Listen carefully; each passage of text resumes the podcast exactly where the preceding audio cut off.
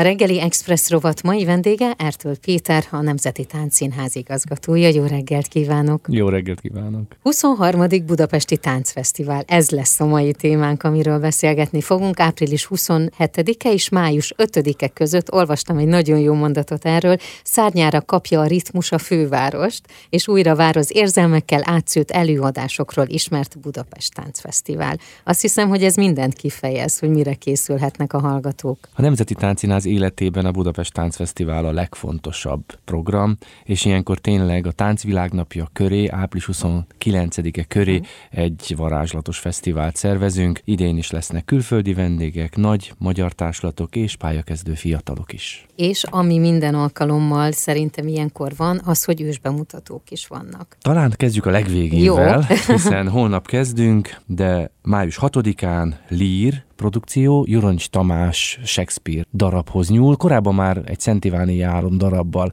megörvendeztetett minket, és ez most a második alkalom. Egy hatalmas nagy díszletbe, fantasztikus feldolgozással. Tamás mindig nagyon érzékeny alkotóként az emberi viszonyokat, az emberi uh-huh. érzéseket teszi föl. Nyilván ez Shakespeare-nél egy elég bonyolult és összetett történet, tehát május 6-ára várjuk a Szegedi Kortárs Balettet a Lír című produkcióval. Előtte való nap pénteken pedig ugye fele Feledi Jánosnak egy új produkcióját láthatják. A fesztiválban több opera feldolgozás vagy opera előadás nyomán született táncelőadást láthatunk. Ugye a Car Woman címmel hmm. színpadra álmodott Feledi projekt előadás. Bizé Kármennyit uh-huh. vette alapul, öt fantasztikus táncos nővel dolgozik, és azt mondja János, hogy minden embernek az életében van olyan hogy talán jobb lett volna, ha nem találkozik egy hölgyel, uh-huh. de a maga kármennyével mindenkinek találkozni uh-huh. kell. Ú, ez is izgalmas lesz. Előtte pedig, hogy akkor visszafelé menjünk még május 4-én. A varázsfuvola lesz átdolgozva, és új címet is kapott varázsfurúja néven. Novák Péterhez kötődik ez a produkció, a Nomád Nemzedék Társulathoz. Ahogy említettük, az opera áthallást most Mozart nyomán alkotja meg a varázsfuruját. Talán azért furúja, mert a magyar néptánc és a magyar népzene színpadi feldolgozását láthatjuk majd. Ők fantasztikus, kreatív, összetett összművészeti produkciót álmodtak. És aztán május harmadika, itt egy újabb premier, Csongor és Tündel. Nemes Zsófihez kötődik az előadás. Zsófi a PR Evolution Dance company a vezetője, és számos nagy sikerű eladást mutattak be. A Csongor és Tündének az összetett történetét varázsolja, a lent és fönt szintén az emberi érzelmeket mutatja meg, de izgatottan várjuk Zsófit, mert hiszen ő most Debrecenben egy új tánctagozat indul, és ott is megkezdi majd a munkálatokat, szóval Zsófi előtt újabb ajtók nyíltak, és hát aki eljön a Csongor és Tündére május harmadikán, akkor biztos, hogy nagyon jól fogja magát érezni. Május 1 -e és másodika lesz az, amikor egy külföldi együttest láthatnak a Nemzeti Táncszínházban az odalátogatók. Számunkra nagy öröm, hogy ebben az évben megrendezésre került, Magyarországon megrendezésre került a tizedik Nemzetközi Színházi Olimpia. Ennek az olimpiának a keretében két előadást is bemutathatunk, két produkciót. Egyik a Vertigo Dance Company Izraelből, akik nagy öröm számomra, hiszen 2014-ben már az igazgatói tevékenységem első éveiben Budapesten voltak a meghívásomra. Szóval majdnem tíz év után ismét uh-huh. ellátogatnak, most már a Millenárisra, az új Nemzeti Táncszínház épületébe, és Noah Wertheim darabját láthatjuk a Pardes. Számunkra azért is érdekes, mert Noah Wertheim egy nagyon elmélyült ajkotó, de elmeséli, hogy ebben az időszakban a Covid alatt, amikor létrejött ez a produkció, akkor nagyon behúzódtak. Egyébként is ők uh-huh. Izraelben egy Eco Village nevű, Vertigo Eco Village nevű helyen élnek, elvonulva a világtól,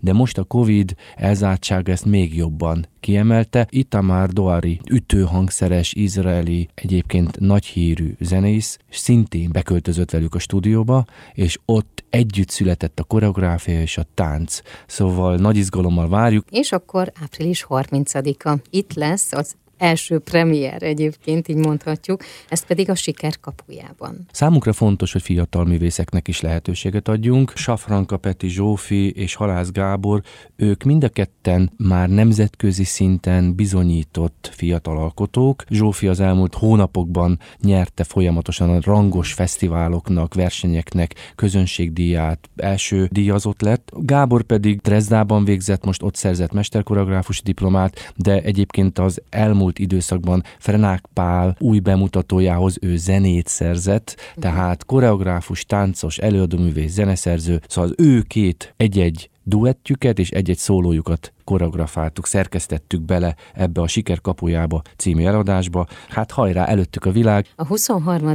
Budapesti Táncfesztiválnak a nyitó eseménye az ugye április 27-én lesz, és 28-án is. Nem véletlenül hagytam ki a tánc világnapját, mert arra külön ki szeretnék térni majd. Kivel kezdődik a fesztivál? Szeretjük, és most egyre jobban fordulunk Olaszország felé. Reggio Emiliából jön egy társulat, az Atter Baletto, és ők egy kétrészes produkcióval érkeznek, a Jeled és a Shoot Me című produkciókkal, egy izraeli és egy olasz koreográfus művei. A jeled az gyermeket jelent, és azt a változást boncolgatja a koreográfiában, hogy a gyerekkorból, a naív fiatalságunkból hogy fordulunk felnőttbe. Az, amit gyerekkorban megkapunk, megöröklünk, megtapasztalunk, az milyen hatása van a felnőtt életünkre. A második rész, a Shoot Me, az pedig Diego Tortelli koreográfiája, amiben gyakorlatilag a zenei himnusz, a test mozgása, angol rockzenére, mellette Jim Morrison dallamokra uh-huh. egy elképesztő. A 16 táncos egyszerűen feltépi a színpad deszkáját. Ez az előadásra helyeztük a fókusz, tehát ezzel nyitjuk a fesztivált, ezzel kívánjuk jó magasra felütni a labdát. Ugye a Budapest Táncfesztivál, ahogy már említettük, mindig a Táncvilág napja köré szerveződik, amely április 29-én lesz. És ilyenkor ugye díjak átadása megtörténik, illetve azoknak az elismerése, akik rengeteget tesznek a táncművészetért, vagy kiemelkedő teljesítményt nyújtanak.